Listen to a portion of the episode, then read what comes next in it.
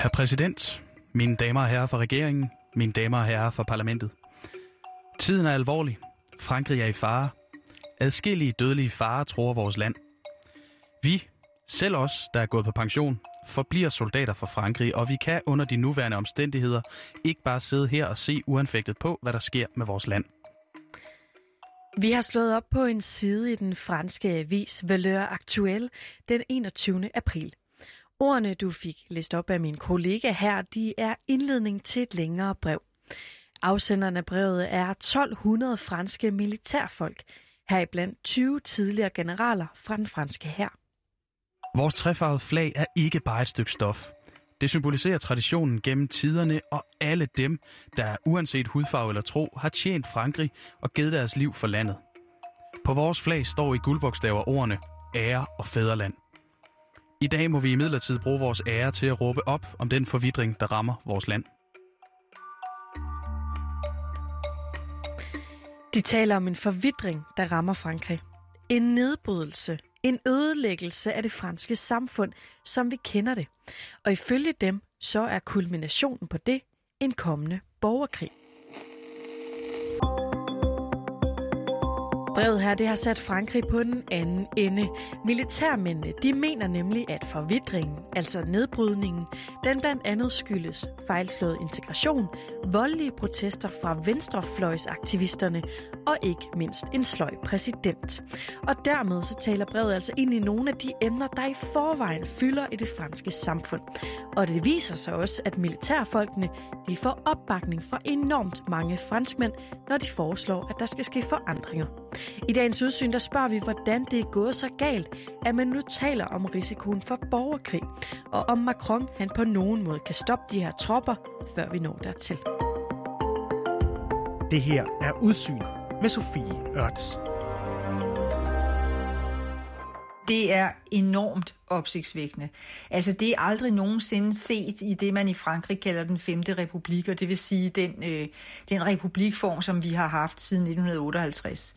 Det er simpelthen ikke set, og derfor så har det også givet øh, så stor, kan man sige, øh, skabt så stort røre og givet så stort genklang, fordi det er fuldstændig usædvanligt, at 1200 militærfolk med 20 pensionerede generaler i spidsen går ud øh, i et åbent brev til øh, politikerne og til præsidenten og taler om borgerkrig og militær intervention. Det er meget voldsomt. Den faste lytter af udsyn her vil vide, at Louise Sandager, hun er vores faste korrespondent i Frankrig, hvor hun har boet i 24 år.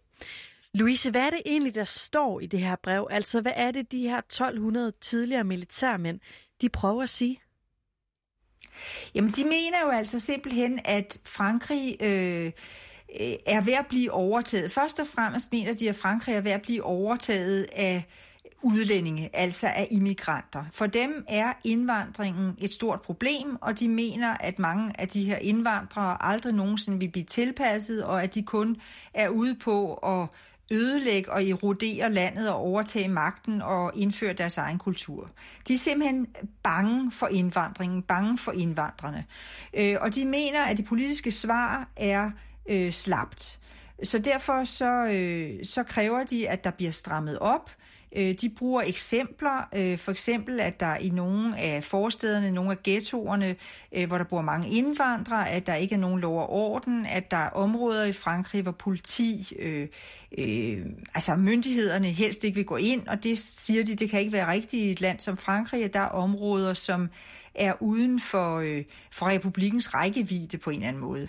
Øh, men derudover, øh, så er de også øh, gale på den anden fløj, altså på venstrefløjen, og det de kalder, de kalder det ikke cancel culture, de kalder dem antiracister og antikolonialister, men det er jo altså øh, den yderste venstrefløj, som de øh, skyder på her. Så det er en hel, kan man sige, en hel palette af forskellige grupper i, i samfundet, som de mener er til fare for staten. Euh, pour un démocrate, et un libéral, enfin voilà, quelqu'un qui est attaché à la démocratie libérale, c'est extrêmement violent. For demokrater og for liberale mennesker, som værner om demokratiet, der er det et ekstremt voldsomt opråb. Men faktisk passer det meget godt ind i den måde, som det autoritære yderste højre driver politik på. Ham du her til sidst hører oversat, han er fransk journalist, debattør og militærekspert. Hans navn det er Jean-Dominique Machet, og sammen med Louise Sandager, så er han med til at give os en forståelse af, hvad de her militærfolk de egentlig prøver at sige om situationen i Frankrig. Lad os starte hos det her mest gennemgående i brevet, nemlig kritikken af en fejlslået integration. Her der får du lige endnu en passage fra brevet, som er læst op af min kollega. Faren vokser. Volden øges dag for dag. Hvem ville have forudsagt for 10 år siden, at en skolelærer en dag ville blive halshugget, da han gik hjem fra arbejde? I midlertid kan vi, nationens tjenere, som altid har været klar til at betale vores engagement med vores liv, sådan som det kræves af vores militære rang. Vi kan ikke sidde som passive tilskuere over for sådanne handlinger. Måske navnet Samuel Paty, det siger der noget. Altså den her franske skolelærer, som i oktober sidste år fik skåret halsen over af islamister, efter at han i sin undervisning viste en karikaturtegning af profeten Mohammed. These normally quiet streets in northwest Paris are the latest epicenter of a deadly issue in French society. Police say an 18 year old man killed a middle school history teacher with a knife after he showed a caricature of the Prophet Muhammad in class. He was teaching about freedom of expression. Louise, hvor stærkt er det, når de her militærfolk i brevet laver en hentydning til drabet på øh, Samuel Paty? Jamen det er, kan man sige, smart af dem. Hvis man gerne vil appellere bredt i Frankrig og få folk til at fokusere på islamisme og faren fra terroristerne, så er det jo nok det stærkeste billede, man overhovedet kan finde. Øh, fordi det var så overvældende, at den her øh, fredelige, af helt almindelige skolelærer, han bare skulle hjem fra arbejde, så kom han ud på gaden og fik skåret halsen over lige uden for skolen. Fordi han havde undervist i det, som øh, alle skolelærer i hele Frankrig bliver bedt om. Og derfor så kan man sige, der rammer de virkelig bredt. De rammer virkelig, de spiller på følelserne der. Øh, så det er jo altså set fra deres side rigtig dygtigt gjort rent kommunikationsmæssigt. Men ifølge den franske journalist Machet, så skal vi altså ikke fejlvurdere de her militærmænd, som helt klart tilhører den franske højrefløj, og derfor også skriver ud fra netop det synspunkt. Ils sont dans un fantasme de oui, ils sont dans, il, y a une partie, il y a une partie fantasmatique dans leur, dans leur vision du monde, c'est-à-dire une partie... Euh... De har den her fantasmeagtige opfattelse af verden, hvor de mener, at indvandringen fuldstændig omstyrter og ændrer vores samfund. Det er det, de kalder den store udskiftning. De fremhæver, at der er områder i landet, som er uden for myndighedernes kontrol, og at den udenlandske del af befolkningen er i gang med at kolonisere og overtage landet. Altså det er sådan, de ser det.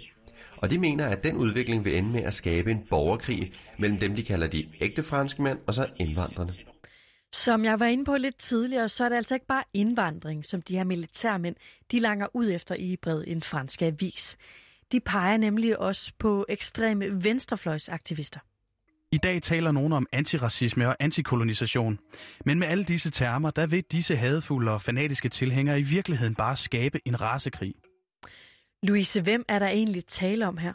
Man kan sige, at højrefløjens modstykke, øh, det er den yderste venstrefløj. Øh, dem, som militærfolkene refererer til som antiracister. Altså det er hele den her identitetspolitik, det er cancel culture, det er øh, folk, som vil have pillet statuer ned, fordi at, øh, at øh, de har gjort noget i tidernes morgen, som de ikke mente var i orden. Det er folk, som er imod, at man fejrer øh, Napoleons dødsdag, fordi at han genindførte slaveriet og ikke var god ud kvinder osv. Der er hele den her politiske korrekthed, øh, som faktisk gør mange, også almindelige mennesker i Frankrig, nervøse, Øh, Øh, fordi Frankrig jo er jo kendt for at have højt til loftet med hensyn til ytringsfrihed. Altså man kan sige nogenlunde, hvad man vil, man kan tænke, hvad man vil. Der er, der, der er meget rummeligt. Og pludselig så kommer hele den her, øh, kan man sige, fraktion og siger nej, øh, vi skal til at opføre os på en anden måde. Og det har provokeret rigtig mange. Jo altså åbenbart også de her militærfolk, som så er deres øh, modstykke. Så dem refererer de også til i deres brev som en trussel mod republikken. Okay, så vi har altså et brev, der i tale sætter flere aktuelle problematikker i Frankrig. Problematikker, der gør almindelige franskmænd nervøse, som for eksempel når nogen river en statue ned, eller når de er vidne til endnu et terrorangreb. Louise, hvordan har den almindelige franske befolkning så reageret på det her brev? Jamen altså det, der er så overraskende ved brevet og, øh, og reaktionerne på brevet, det er jo, at, at i dagene efter, at brevet blev offentliggjort, øh, så blev der selvfølgelig lavet nogle meningsmålinger. Øh, og en af de meningsmålinger peger på, at en ud af to franskmænd siger ja til, at man kan sætte militæret ind og bruge militæret til at skabe lov og orden, for eksempel ude i nogle af de forsteder og ghettoer, hvor der er meget kriminalitet, øh, og hvor banderne har taget magten. Øh, man skal selvfølgelig kigge på, hvad er det, folk svarer på.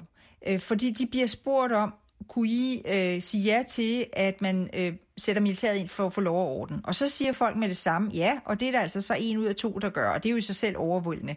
Men det er jo ikke sådan, øh, så at man kan fortolke det sådan, at, at halvdelen af franskmændene synes, det er okay, hvis militæret ligefrem overtog magten.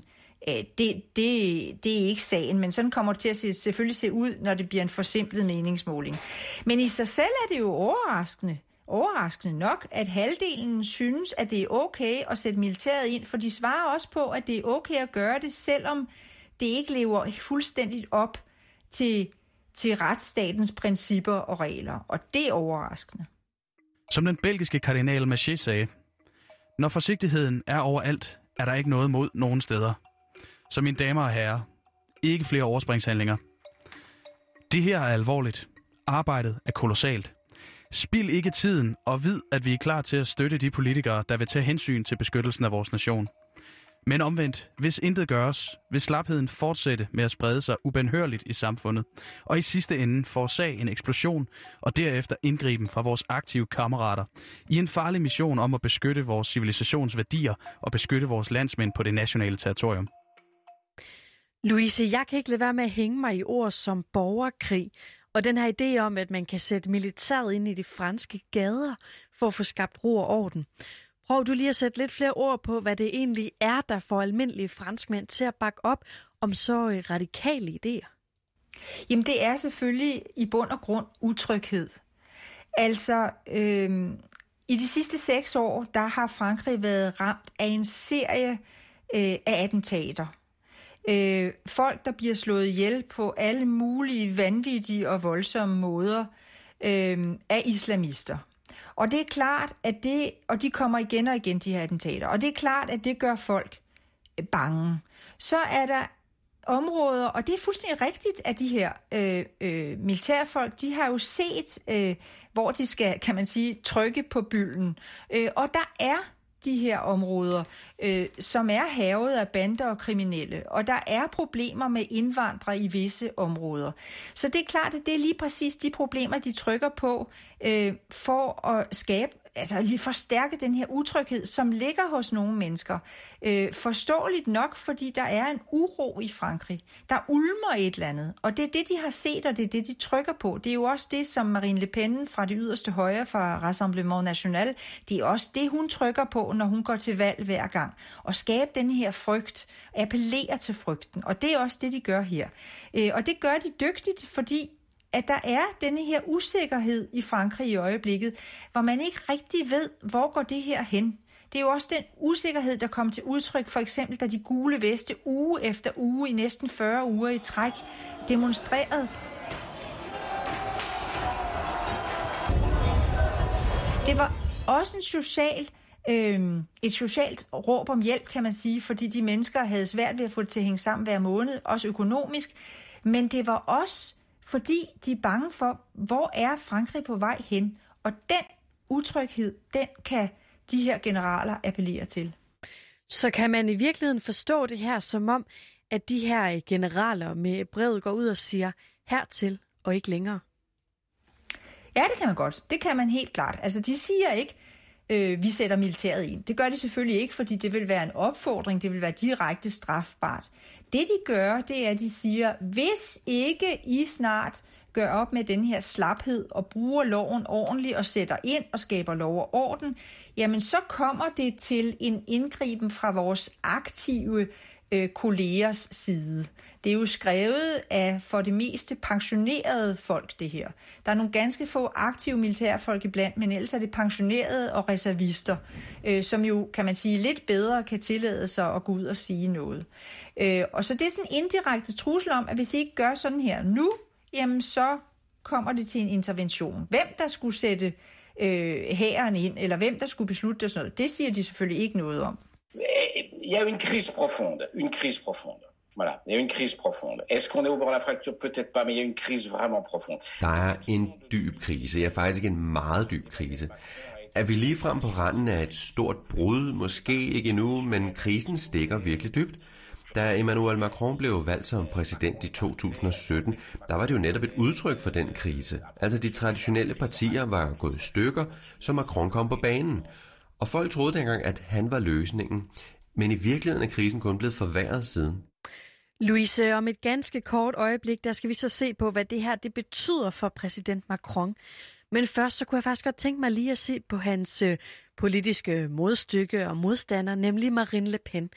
Altså, hvad har brevet her haft af betydning for hendes politiske kampagne, som jo blandt andet handler om at indføre en benhård indvandringspolitik? Jamen, hun er jo, klapper jo i sine små hænder, kan man sige, og det var hun rigtig hurtig til. Øh, fordi man kan sige, knap var, var de her opråb ude før, at hun gik ud og sagde, at det kunne hun sandelig godt forstå, og hun var helt enig med alt, hvad de sagde, og de kunne bare alle sammen komme hen til hende, øh, underforstået komme med i hendes bevægelse, stemme på hende, når der skulle være præsidentvalg næste år, og så kunne de så sammen øh, Øh, bekæmpe alle de her forskellige øh, samfundssvøber her. Så hun har øh, sendt dem helt offentligt en øh, direkte invitation til at joine hendes parti. Så hun bruger det jo alt, hvad hun overhovedet kan. Til næste år der skal franskmændene vælge, om det fortsat er Emmanuel Macron, de vil have som præsident, eller om han skal skiftes ud, for eksempel med Le Pen. Og lige nu, der ligger de to altså uhyre tæt. Ifølge det franske analyseinstitut IFOP Fidocal, så ville Le Pen lige nu få 46 procent af stemmerne, og Macron ville få 54 procent af stemmerne, hvis det altså kun var de to, som mødtes under valgkampen. Louise, hvad siger Macron så egentlig selv til det her brev, der jo giver ham en hel del tæsk? Jamen, han var rigtig lang tid, han var faktisk over en uge om at sige noget som helst. Han sendte sin øh, forsvarsminister i byen, og hun gik jo ud fra sådan et, øh, kan man sige, militært synspunkt og sagde, det her det er ikke i orden, for når man er militærmenneske i Frankrig, så må man ikke politisere. Øh, så hun har selvfølgelig grebet ind, og det kommer nok til en del sanktioner mod dem. Dem, der er aktive, de får disciplinærsager på halsen, og dem, som er pensionerede, de bliver måske bare udraderet, kan man sige, af, af herrens rækker. Øh, hende sendte han i første række og sagde ikke rigtig noget selv. Øh, premierministeren Castex tog afstand, øh, fordømte det, kaldte det anti-republikansk, øh, antidemokratisk opførsel. Øh, så man vidste egentlig ikke helt, hvad Macron han syntes, men det har vi så siden fået at vide, fordi en øh, avis kunne referere fra et øh, møde, han havde med sine rådgiver, hvor han angiveligt blev stiktosset Øh, han var rasende over den her, øh, det her opråb, eller det her åbne brev, og han blev endnu mere tosset, da han fandt ud af, at det præcis var blevet trygt på 60-årsdagen øh, for et militærkup, der var i Algeriet i 1961, dengang Algeriet stadig var en fransk koloni. Et militærkup, der blev ledet af fire franske generaler, og som er en øh, stadigvæk i dag et, et, et sår i den franske historie. Så det var helt klart, at der ud over det, de skrev, også var rigtig meget symbolpolitik i det her. Il y a quand même un, un, un sentiment général d'un pays en déclin. Der er simpelthen en udbredt fornemmelse i hele befolkningen af, at vores land er på vej nedad. Altså Frankrig var en stormagt, og det er vi i hvert fald ikke mere. Det er måske stadig et stort land, men slet slet ikke på samme niveau som før. Louise, hvad er egentlig de her øh, militærfolks videre plan herfra? Jamen det er det, som ikke rigtig nogen ved. Øh, fordi øh, regeringen har jo skyndt sig ud og sige, at I får nogle sanktioner. Og så er det klart, at så tiger de der mennesker stille et stykke tid, fordi det vil de trods alt alligevel ikke risikere. Øh, men hele truslen ligger jo også lidt i, at man ikke rigtig ved, hvad det er, de vil med det her. Og det kan man kun gisne om. Er det bare et signal, eller er det en øh, appetitvækker til noget større? Er det, fordi de vil lancere sig? Øh, vil de gå ind i politik, eller vil de faktisk bruge deres militære magt? Øh, alt det, det ved man ikke, og det er der jo blevet spekuleret rigtig meget i de sidste 14 dage. Som vi ser det, er der ingen tid at spille. ellers vil borgerkrigen i morgen sætte en stopper for dette voksne kaos, og I vil bære ansvaret for tusindvis af døde.